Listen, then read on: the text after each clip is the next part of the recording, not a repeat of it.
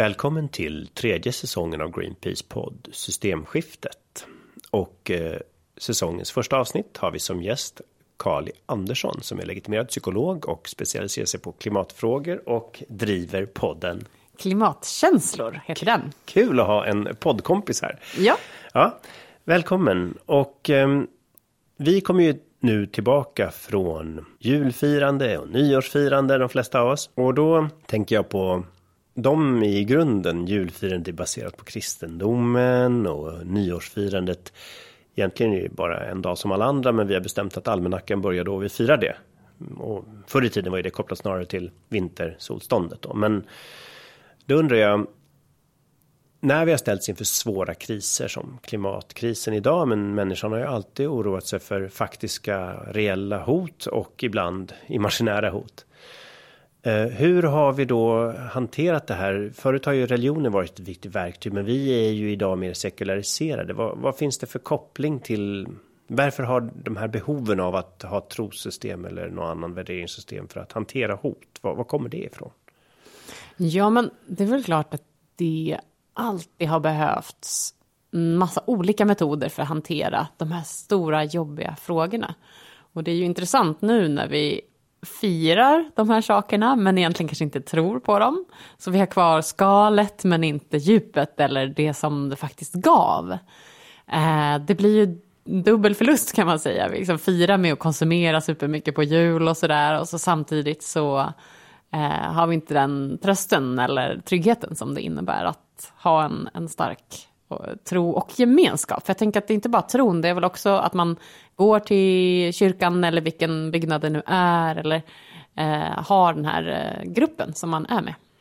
Ja, för många av de här eh, um, trosystemen och traditionerna gör man ju i grupp, eller i princip alla faktiskt har ju gruppelement. Att kyrkbacksnacket var en viktig del av det sociala kittet och i, i många andra eh, ceremonier och traditioner gör man ju saker i grupp. Man gör tillsammans, man har rutiner som man gör ihop. Och varför gör vi sånt som människor?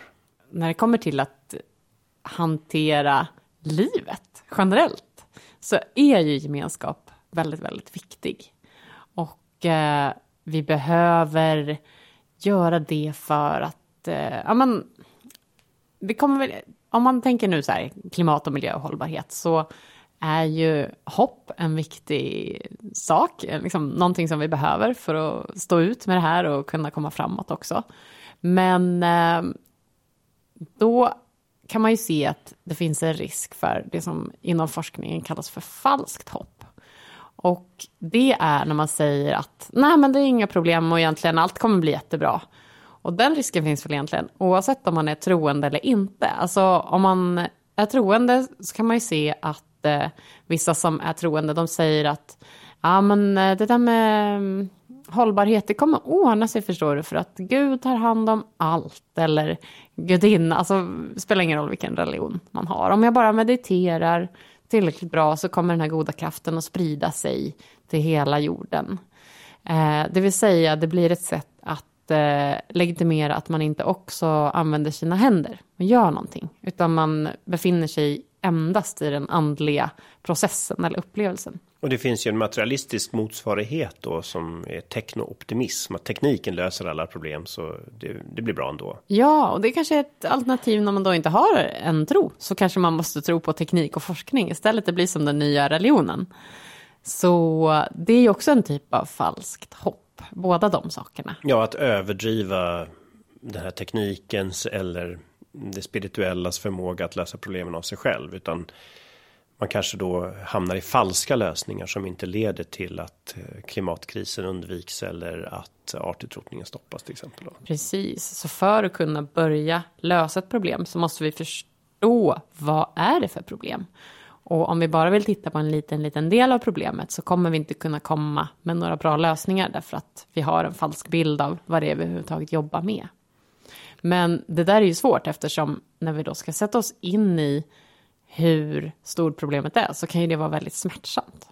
Ja, precis. De här olika sakerna vi har pratat om har ju varit metoder att hantera extremt stora problem som man då riskerar att bli apatisk eller eh, känna hopplöshet inför. Hur, du nämnde hopp här då. Hur, hur skapar man hopp som ger aktion så att säga? Att hoppfullheten övergår i aktivitet och nyttiga verksamheter och tankar och handlingar.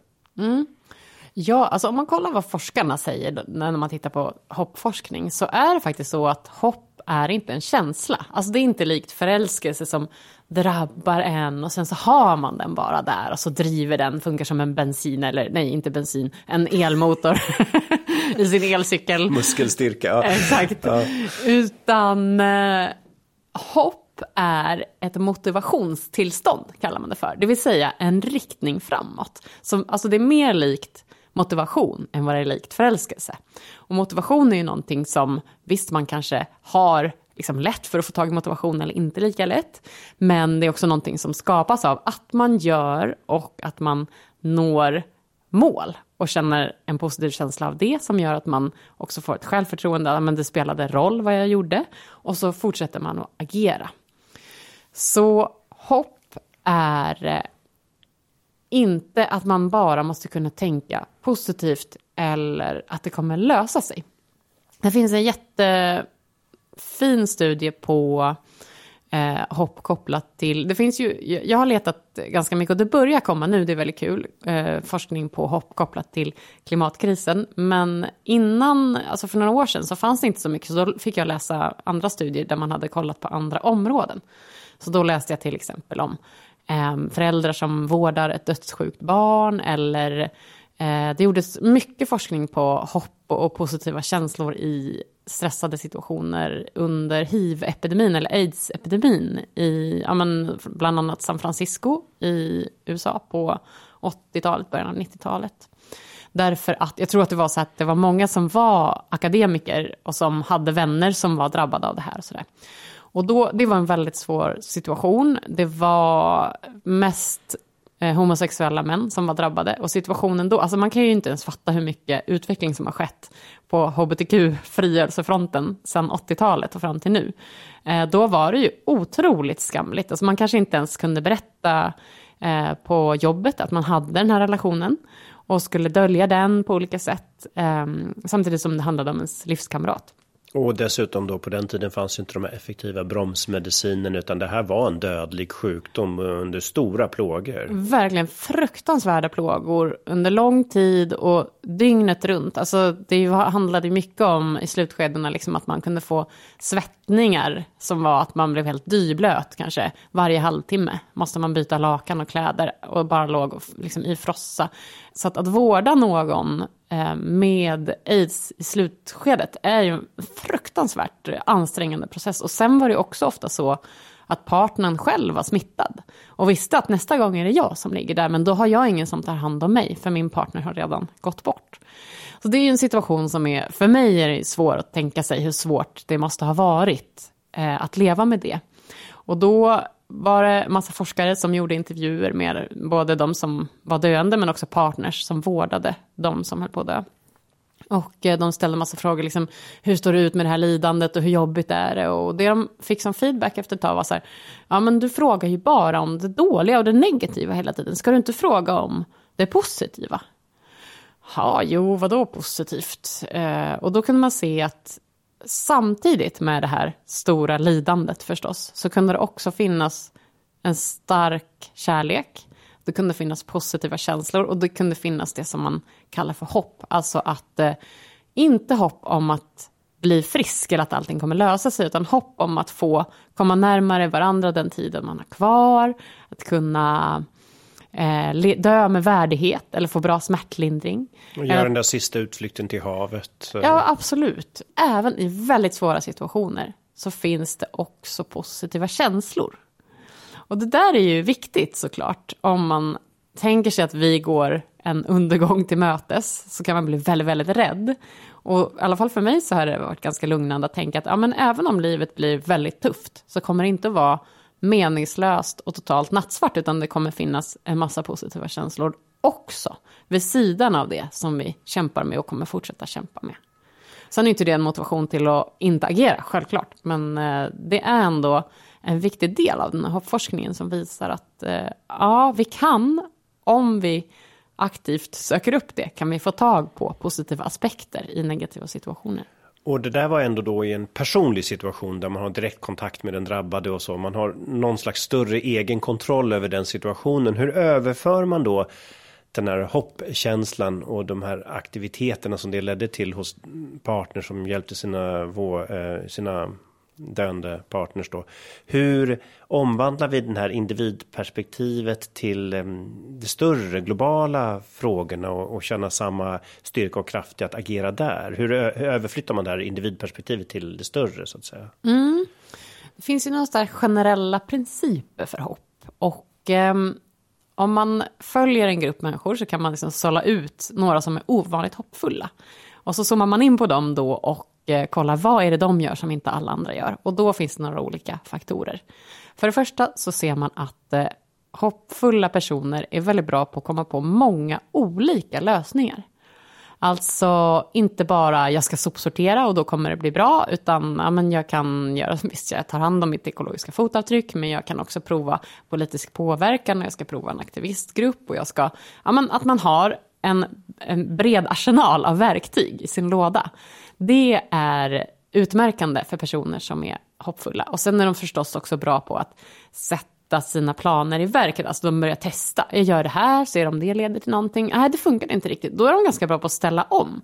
Okej, jag accepterar. Det gick inte bra. Jag provar någonting annat. Så att man inte heller kör fast. Jo, men jag ville att det här skulle gå, så jag gör det i 20 år till. Fast jag fick feedback att det inte funkade från början.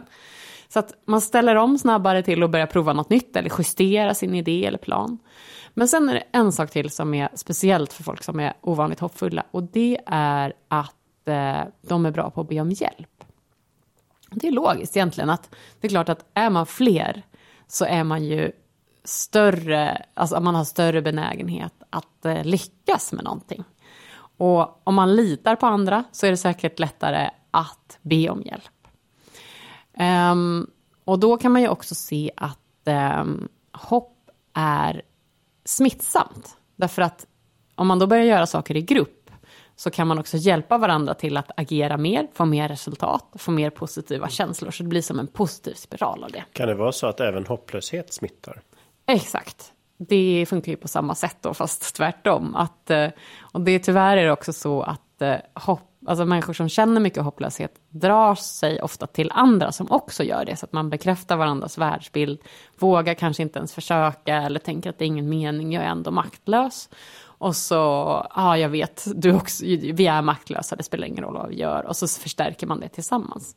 Och då kan man ju tänka, ja men det här låter ju verkligen som en så klassfråga. Alltså att det är privilegierade personer som är födda med silversked i munnen, som bara haft det enkelt och som har jättebra självförtroende. Det är klart att de är mer hoppfulla, för de har ju fått allting så lätt och då har de mer feedback på att det lönar sig att försöka agera. Och så kan det delvis vara och det kan hänga ihop med självförtroende, men det behöver inte göra det, utan hopp är också någonting som man kan lära sig. Vad intressant att få en psykologisk eh, input på det här för tidigare avsnitt i podden i säsong 1 så har vi ju diskuterat det här hur man skapar förändring och då har flera av mina gäster betonat just vikten av att eh, skapa samhörighet eller sammanhang eller mm, samarbete. Och Greider sa till exempel att det börjar vid ett köksbord. Att hittar man några att prata någonting om. Eh, det är där det börjar. Det är där förändringen börjar. Och förvånansvärt många stora förändringar i historien har faktiskt börjat med att några få trodde att det var möjligt och började agera på det. Och det låter ju som att det finns också psykologisk forskning som visar att det här är en bra metod. Exakt, och det, det gör mig så himla glad att se att man kan motivera det även eh, genom psykologisk forskning, att det är viktigt att agera tillsammans med andra. Men just nu ser vi ju att vi har faktiskt eh, någon slags undergångstankar hos en del. Klimatförändringen som är vetenskaplig och, och, och liksom teoretiskt belagd och vi också ser i praktiken nu är ju ett enormt hot och det är människan som skapar och samma sak med artutrotning och tyvärr har ju inte heller kärnvapenhotet försvunnit för nu upprustar ju de fem stormakterna sina kärnvapenarsenaler precis i detta nu för biljoner dollar. Och ja, kemikaliehotet har ju inte försvunnit och så vidare. Alltså, de här hoten som, ja, kärnvapenhotet var väl kanske mest 50, 60, 70-tal, ända fram till kalla krigets slut och så. Människan har levt med den här oron för undergångar och som har varit konkreta och sakligt korrekta att oroa sig för. Vad har vi gjort för att kunna hantera dessa undergångstankar? Om man nu känner så, att man är rädd för det här. Vad, vad kan man göra för att undvika hopplöshetens fälla? Det man behöver göra för att inte fastna i de här enorma eh, stora frågorna, att man kanske bara tänker och ältar jättemycket. Det handlar ju precis om faktiskt det vi nämnde om hopp, det vill säga att man behöver varva att acceptera och kanske närma sig de där jobbiga svindlande känslorna, men att man inte är där hela tiden, utan att man också agerar, man är tillsammans med andra, man behöver ha kul, man behöver ha lite mental semester ifrån det där också. Men sen så har jag faktiskt märkt att det finns en grupp eh, människor som redan gör allt det där som jag just sa. Alltså man engagerar sig, man kanske gör det man kan för sitt eget eh, ekologiska fotavtryck, men man kanske också engagerar sig politiskt eller är aktivist på olika sätt.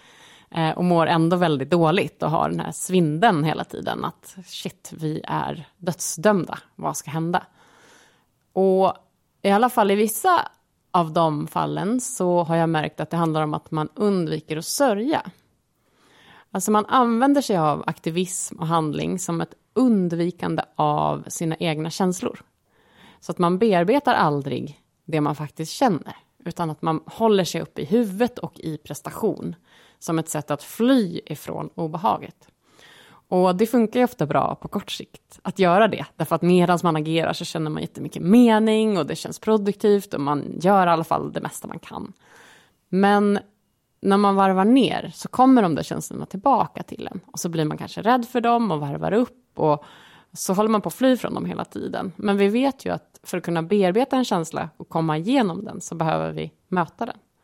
Så om det är rädsla man känner så kanske man behöver sitta ner och känna på den rädslan, kanske gärna tillsammans med någon eller med stöd av någon.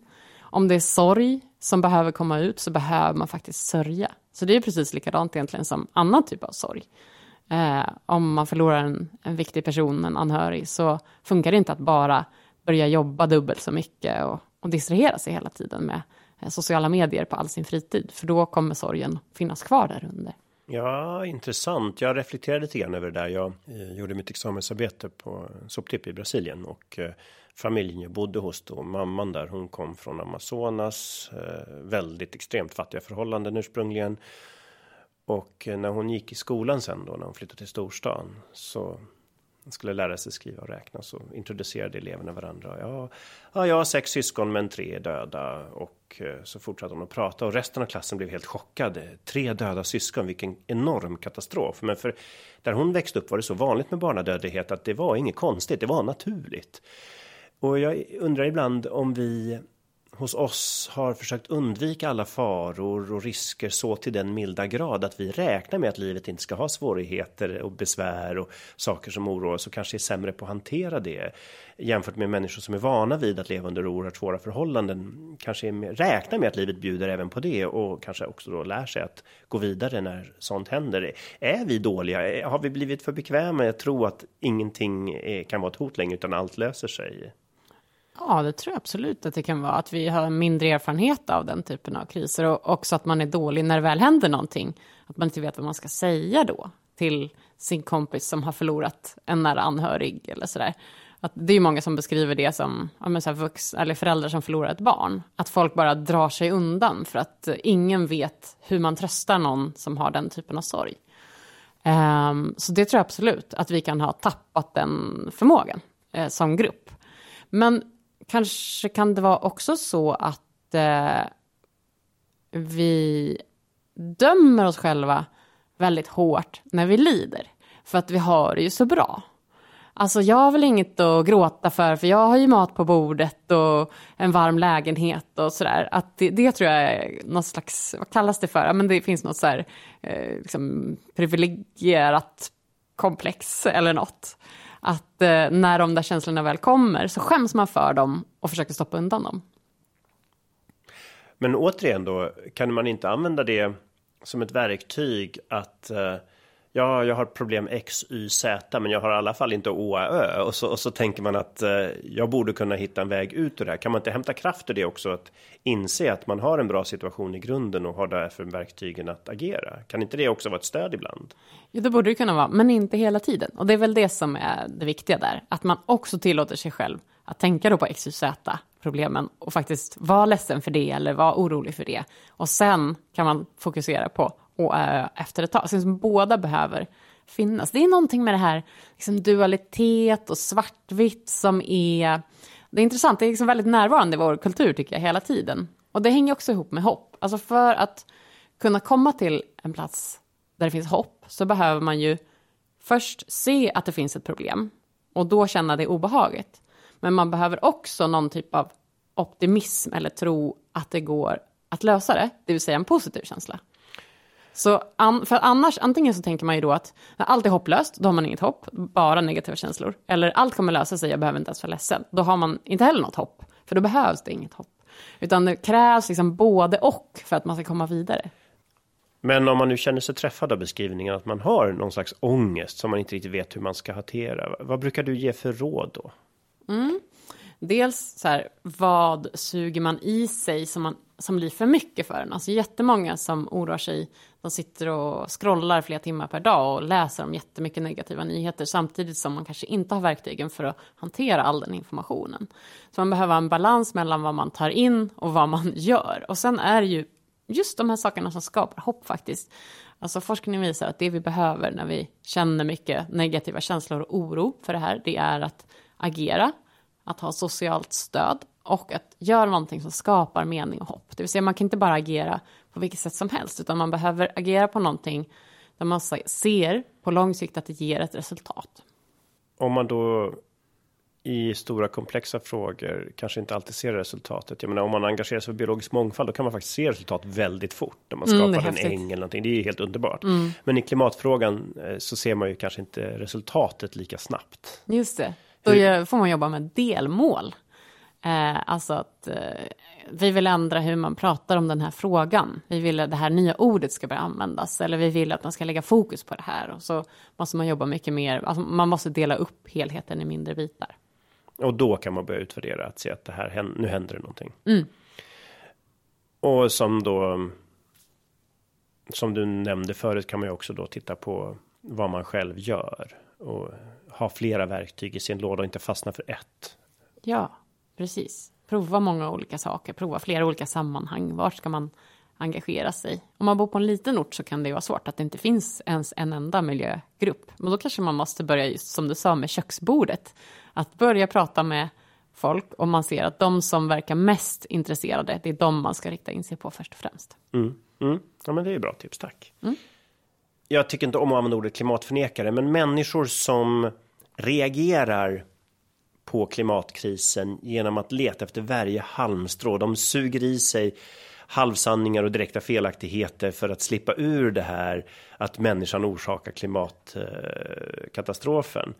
Och de ägnar sig ibland åt det här som man kallar för sea lining, att man ständigt lyfter fram nya grejer som argument för att ja, men det är nog ändå inte så att människan påverkar. Och jag, jag har till och med träffat folk som liksom försöker använda klimatförändringar på andra planeter för att visa att ja, men det är nog ändå inte människan som eh, påverkar här. Oj, det var radikalt. Ja, det var, det, det var, då stod jag faktiskt svarslös för en gångs skull. För då, det, det argumentet är det aldrig, liksom att folk hänvisar till klimatförändringar på Jupiter, Saturnus och Mars var liksom nytt för mig, att det var ett argument. Men, mm.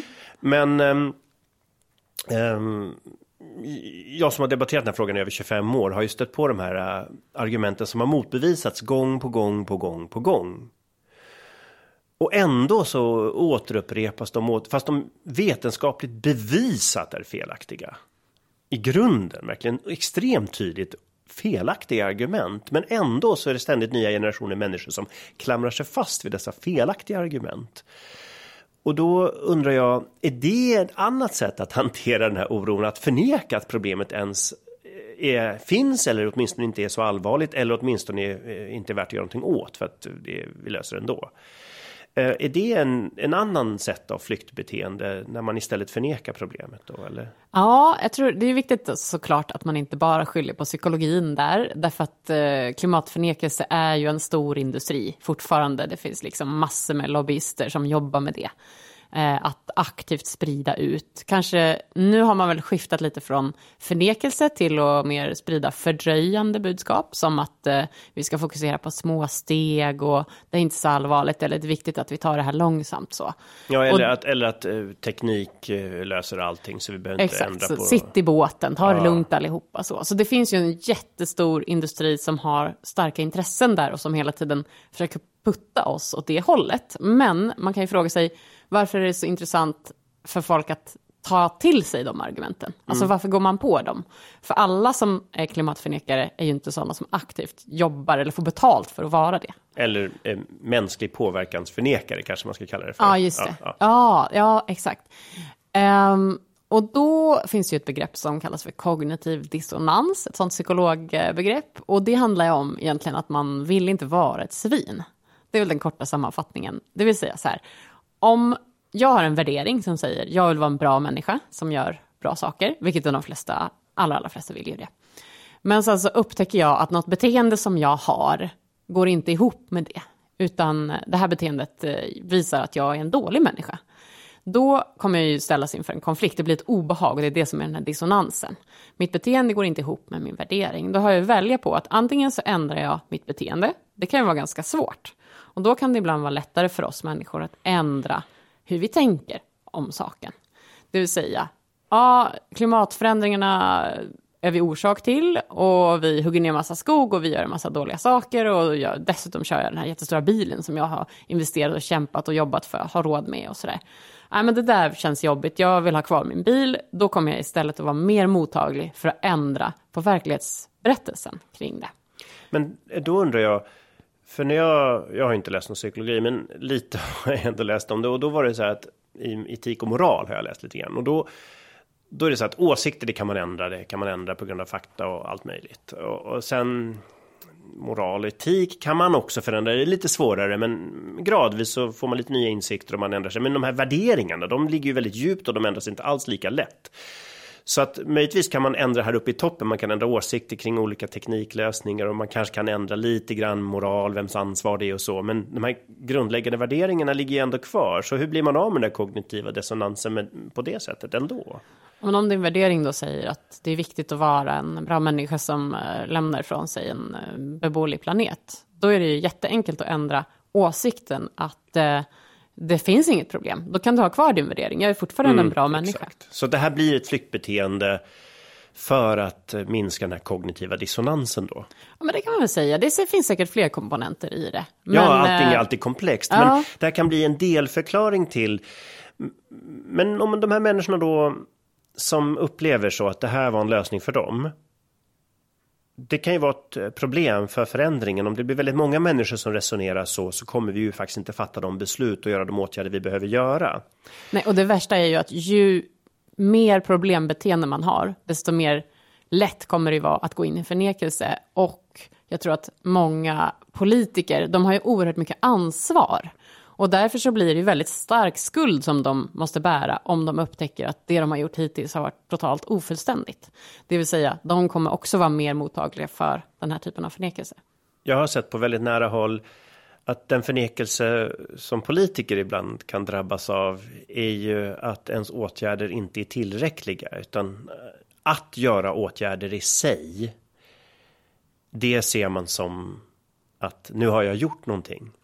Och sen när det visar att de åtgärderna faktiskt är fullkomligt otillräckliga. Även folk som faktiskt inte alls förnekar på något sätt att vi påverkar klimatet. Men som kanske gradvis ser att de åtgärder man har beslutat om är långt ifrån tillräckliga. Då har jag sett en mekanism där man gärna försvarar besluten snarare än planeten i de lägena. Varför gör man så?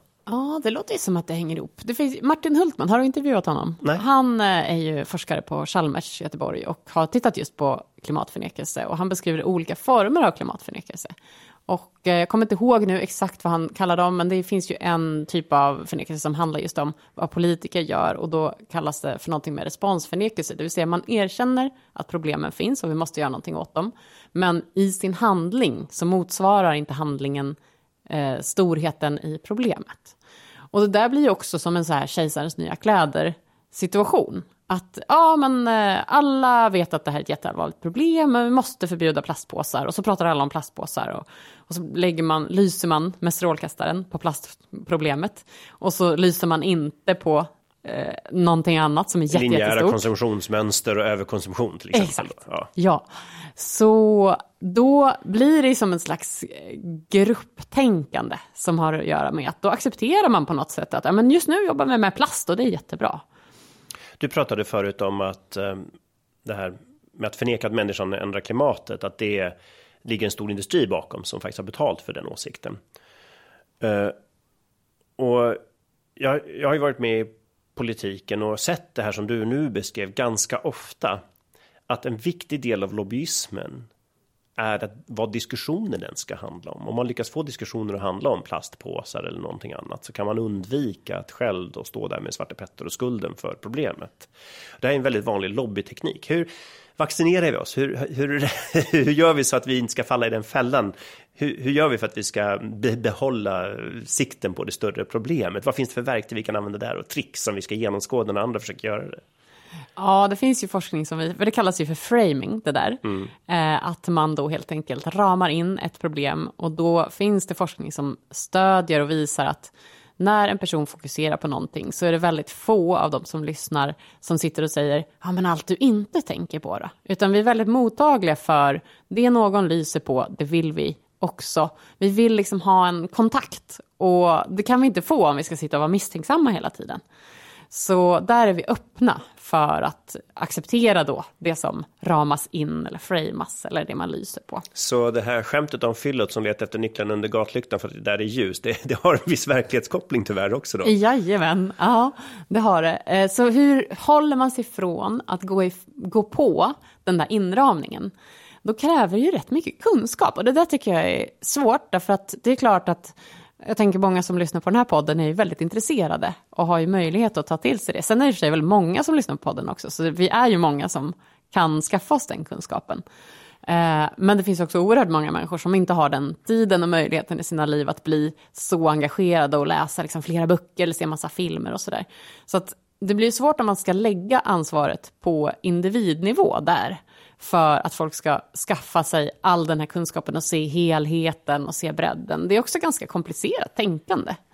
Så det har jag full förståelse för att man inte kanske orkar eller vill alltid. Det blir som en utbildningsfråga. Ja, men då kan vi hjälpa till på vägen här då. En film som varit uppmärksammad nu under juluppehållet är ju Don't Look Up. Jag vet inte, har du sett den? Nej, jag har faktiskt inte. Jag Ja, måste ju se den. Jag såg ju den nu och, och det var ju rätt kul just eh, hur Ja, det är förstås en allegori över klimatförändringen då. Det är en komet istället som hotar jorden och den syns på bilder och man kan beräkna exakt hur den kommer träffa jorden och ändå så, ja men, ja, men kanske hittar vi en lösning. Nej, och så slutar det med att det är någon jättebiljonär som vill utvinna mineralerna på den här och så bestäms det att inte avleda den från jorden utan den ska landa mjukt. Och forskarna blir helt galna på det här som är helt orealistiska projektet då. Den här frustrationen som forskarna känner. Eh, den har man ju sett hos många klimatforskare. Och, och då fick den här filmen ganska mycket kritik bland proffskritiker. Att eh, ja, de sätter sig på höga hästar och de ska inte sitta här och säga att de vet allting. Och eh, regissören påstår att de vet minst att den här kometen kommer träffa. Och att eh, de ondgjorde sig över att den här regissören hånade dem som faktiskt inte accepterade att problemet var så stort som det var. Um, så i den här populärkulturella biten då finns det ju förstås kopplingar till klimatkrisen och motviljan mot att faktiskt erkänna hur allvarligt eh, problemet är. Och då den här motreaktionen att den som gör det kallas för alarmist eller man blir arg på den som förmedlar budskapet. Är det någonting som man kan hantera på ett bra sätt när man berättar om ett obekvämt budskap? Eh, hur gör man när man lyser på det här stället och visar att det man lyser på inte var så kul? Ja, alltså det märker man ju när man jobbar som psykolog. Jag jobbar inte bara med klimatpsykologen utan jag har ju haft massa år av att jobba som terapeut också. Och det finns ju en generell väldigt så här, brist i samhället på hur hanterar man känslor. Det vill säga, vi är otroligt bra på fakta kring klimatförändringar, men det finns inget sammanhang där vi tar emot de känslorna som faktan leder till. Och då blir det en känslomässig stress eller låsning där man försöker desperat att hantera sina känslor samtidigt som man ska ta in den här kunskapen. Och där, det är ju verkligen ett samhällsproblem, att vi har inte några ytor där vi bara kan, okej okay, men nu känner jag mig skit nere och ledsen över det här och jag behöver någon att snacka med, men det finns ingen att prata med.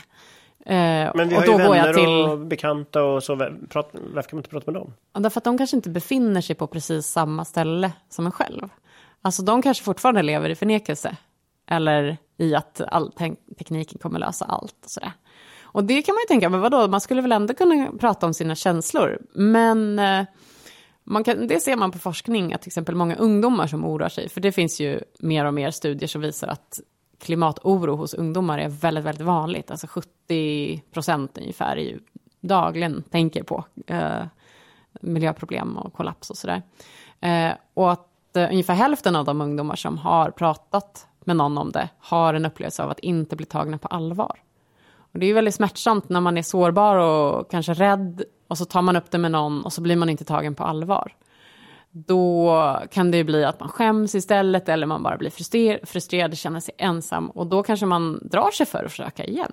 Det här kanske jag kan se också som en uppmaning till politiker att faktiskt ta väljares oro för klimat och ekosystemkollaps på allvar. För om man inte gör det, då kommer de tappa tron på de politiker som finns idag. Absolut, och det finns ju också studier som visar att samma personer som har den här oron tycker att politiker inte tar sitt ansvar, att de politiker liksom försöker överdriva det de faktiskt gör och låtsas som att de har gjort vad de behöver.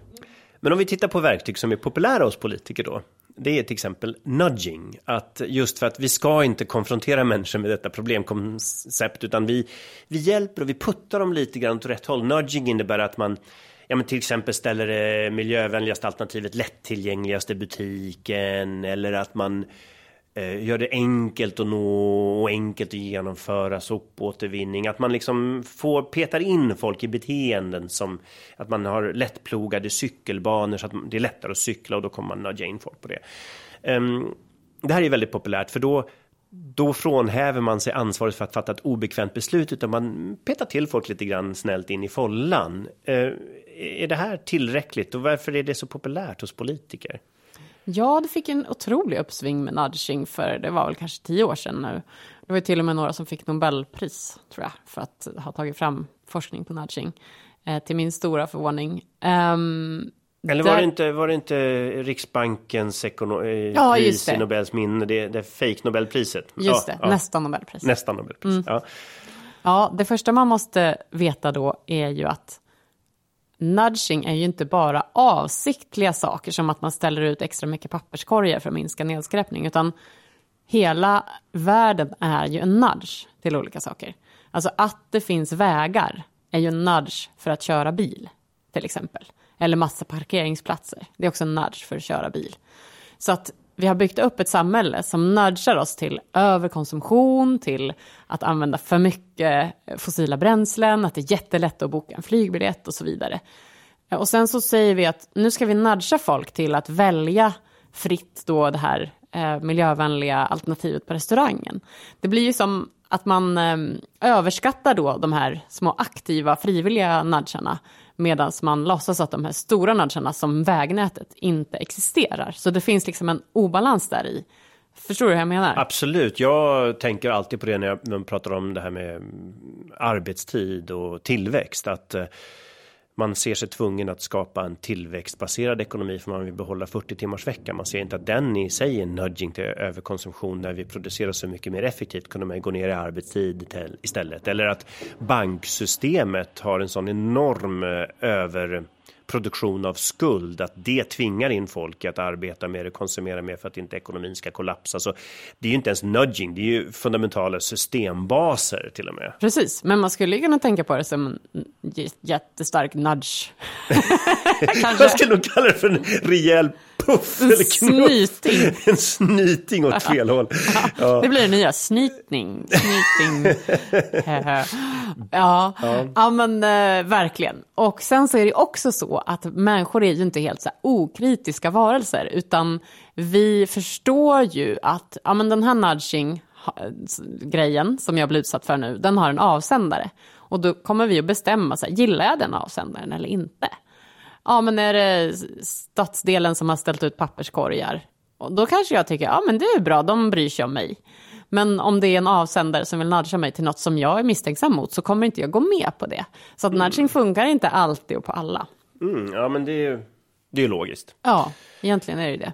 Jag tänker på också det här med ibland så precis som eh, vi då nyss pratade om att folk som vill förneka människans klimatpåverkan eh, att de kan ibland anklaga oss aktivister för att ja, men egentligen är ni nog egoister för ni vill bara känna er för mer än andra och känna er bra. Precis som den här filmregissören för den här filmen Don't Look Up blev anklagad för av sina kritiker då.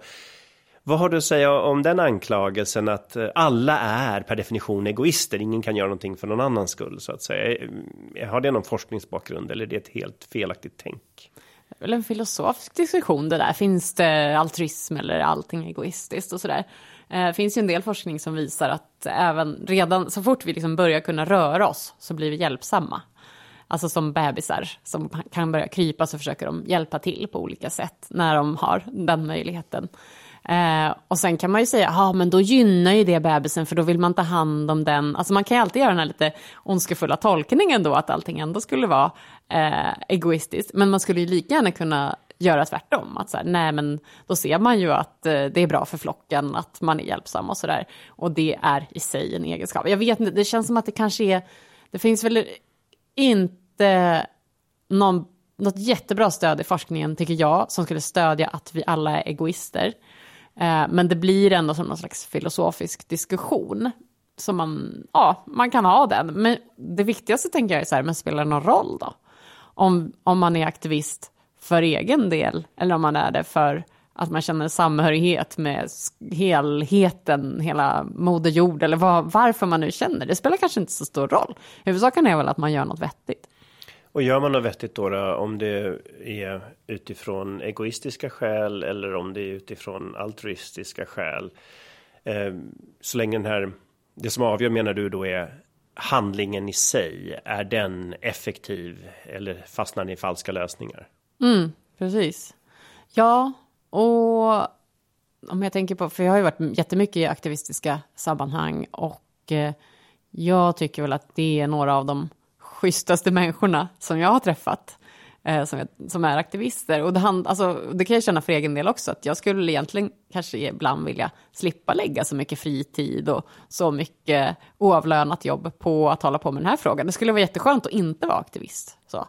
Men eh, samtidigt så känns det jättekonstigt att inte vara det för att det skulle kännas meningslöst på något sätt.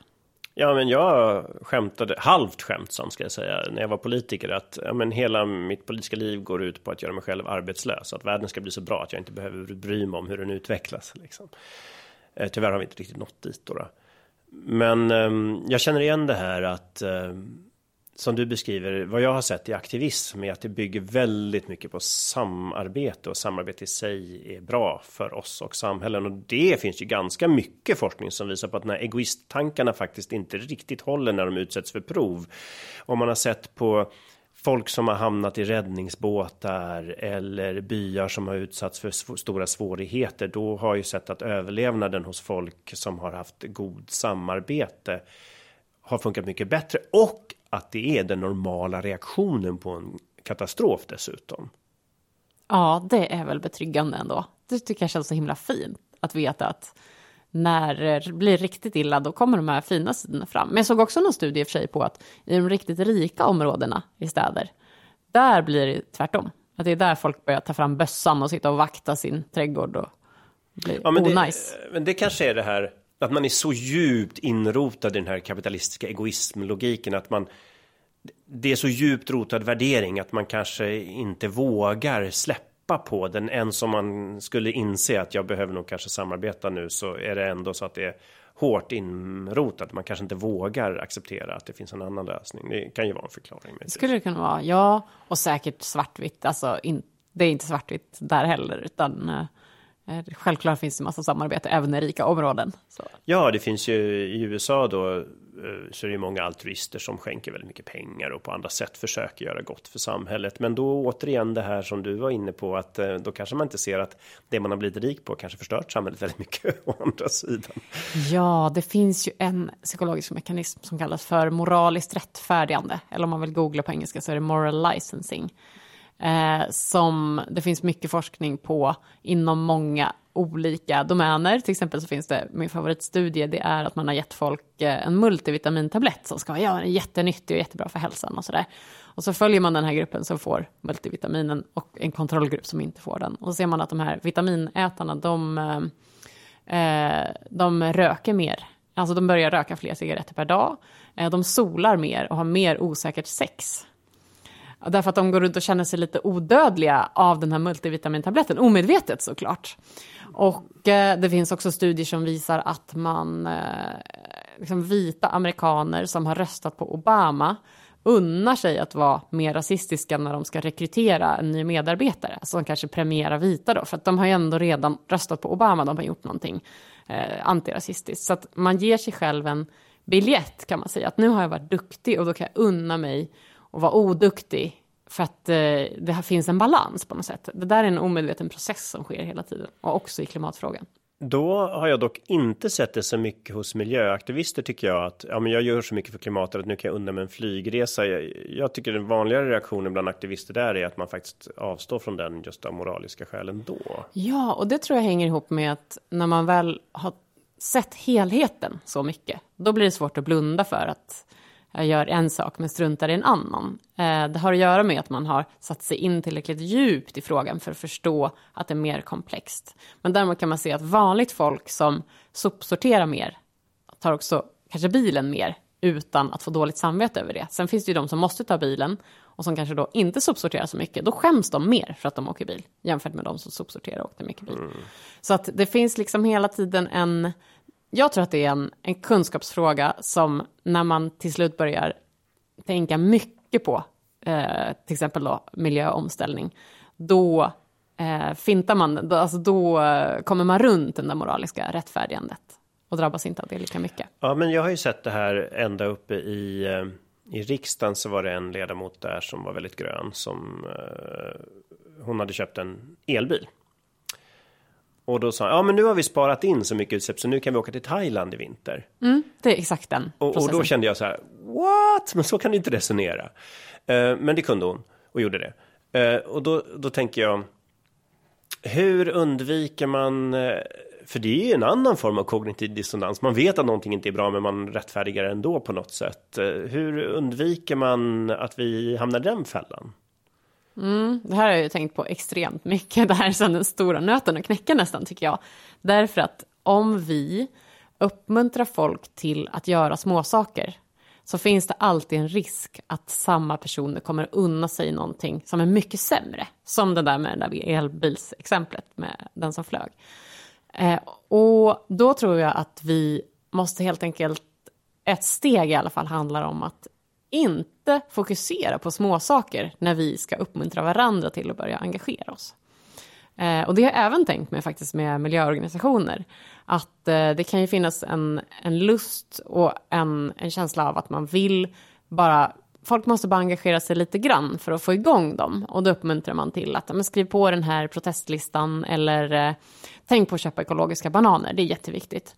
Och så tänker man sig att det kommer leda vidare till större engagemang. Och det kanske det gör, men det kanske också leder till moraliskt rättfärdigande. Så det är som ett svårt spel att spela. Det är väldigt svårt att förutse effekten av att få någon att göra en liten handling för hållbarhet. Ja, då känns det ju som att de här underliggande värderingarna som bygger på vad det är att unna sig något kanske behöver förskjutas att unna sig en resa till Thailand, det, det kanske är smartare då att försöka se att det är någonting annat man vill un unna sig som inte har samma klimatbelastning. Jag tog med mina pojkar förra året på en fjällvandring för första gången och de tyckte det var otroligt spännande äventyr.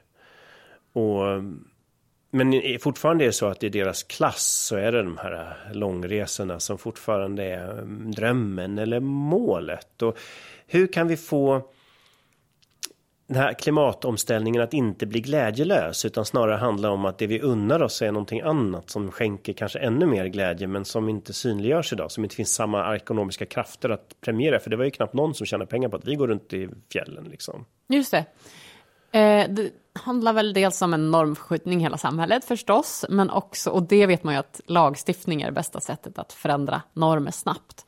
Men sen tänker jag också att det handlar om behov. Alltså man får försöka fundera Eh, samma flygresa eller fjällvandring kan uppfylla helt olika behov för olika personer. Alltså om det du vill med den där flygresan är att komma bort från din vardag, då kanske du måste fråga dig varför vill jag komma bort? Är det något fel med min vardag? Men om det är att få slappna av i kroppen, då kanske du ska ta hand, alltså göra något alternativt då som låter din kropp slappna av på olika sätt. Eller om det är att få umgås ostört med nära och kära, ja, men då är det det du behöver uppfylla.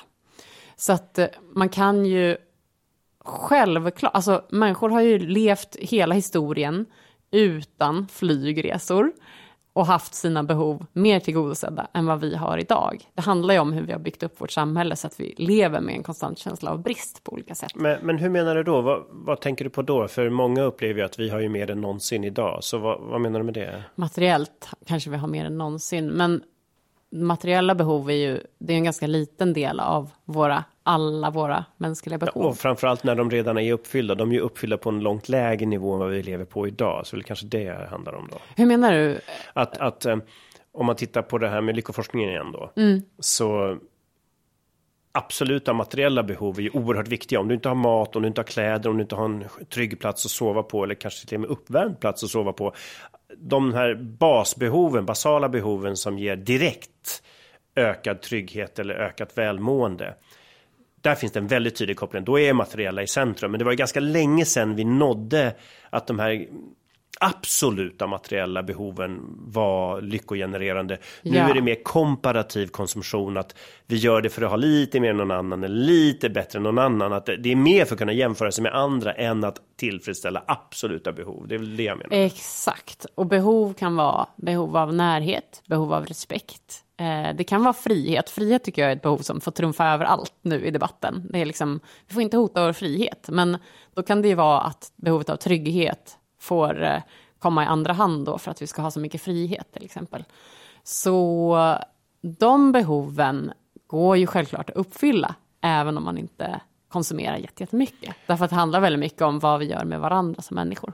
Det här är ju den här supernudgingen eller knuffen då, som, som eh, snytingen till och med som tvingar in oss i att vi har ju oerhört mycket fokus i vår kultur på materialism, materiella behov.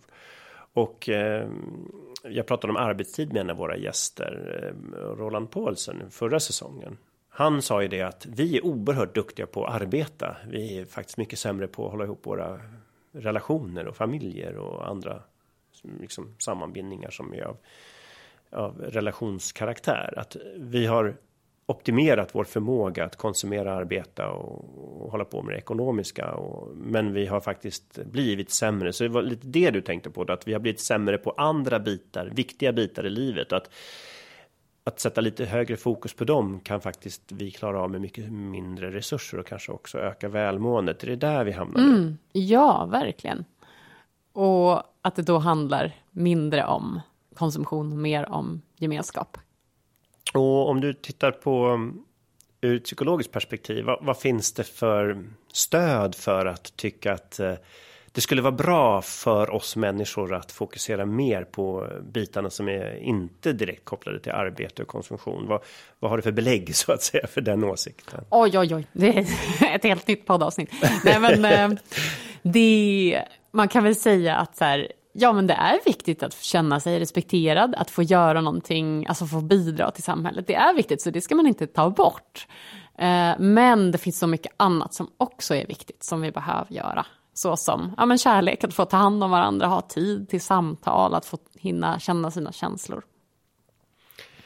Så egentligen, hur mycket vi än tror på att vi är tekniska varelser som är fantastiskt överlägsna alla andra, så är vi de här kärlekstörstande gruppkollektiv beroende människorna som vill ha sin frihet men som är oerhört eh, förtjusta i att bli omtyckta av varandra och kunna mm. ge kärlek till andra. Vi, vi, är fortfarande kvar där alltså. Såklart.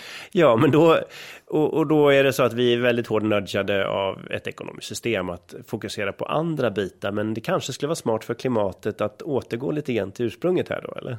Om man säger ursprung så får folk panik och tänker att vi bara ska äta rovor.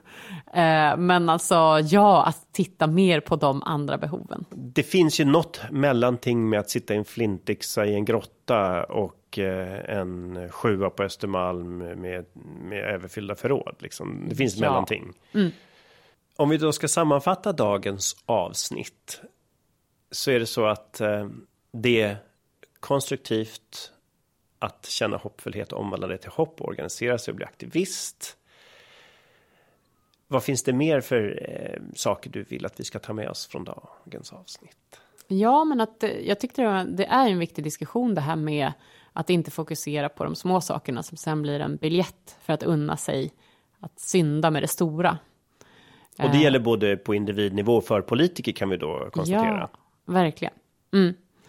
Och att det också verkar inte gälla då för de som engagerar sig tillräckligt mycket. Och det ser man ju också stöd i forskningen på.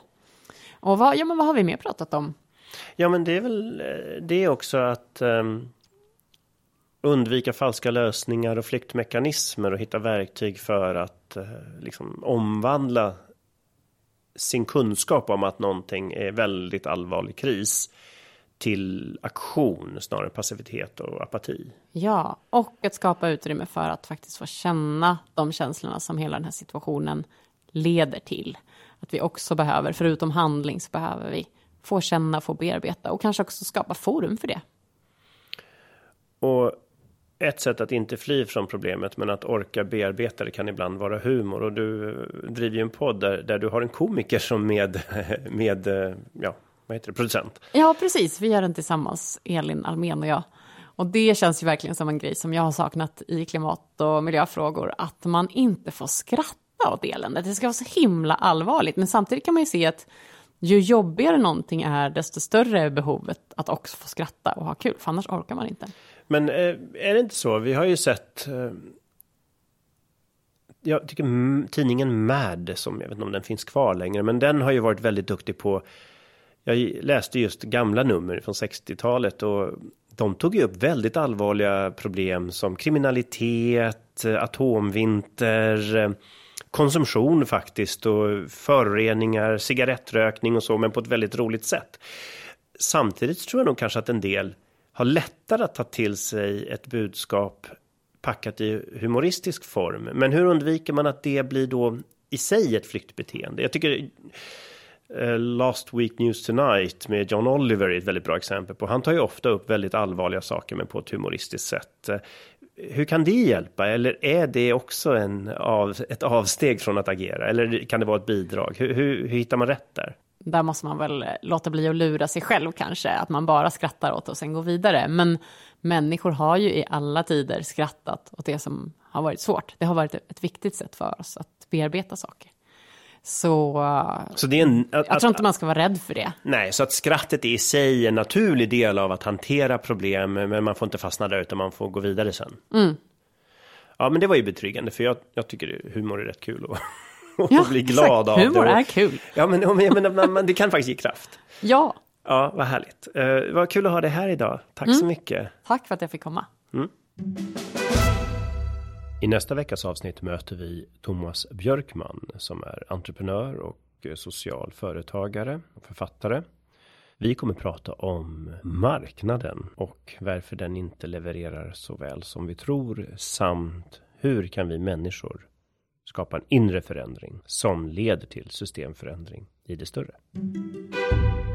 Tack för att ni lyssnade på dagens program som gjordes av Greenpeace där producent är Alexia Fredén Ljudtekniker är Christian Åslund och värd är jag, Carl Schlyter.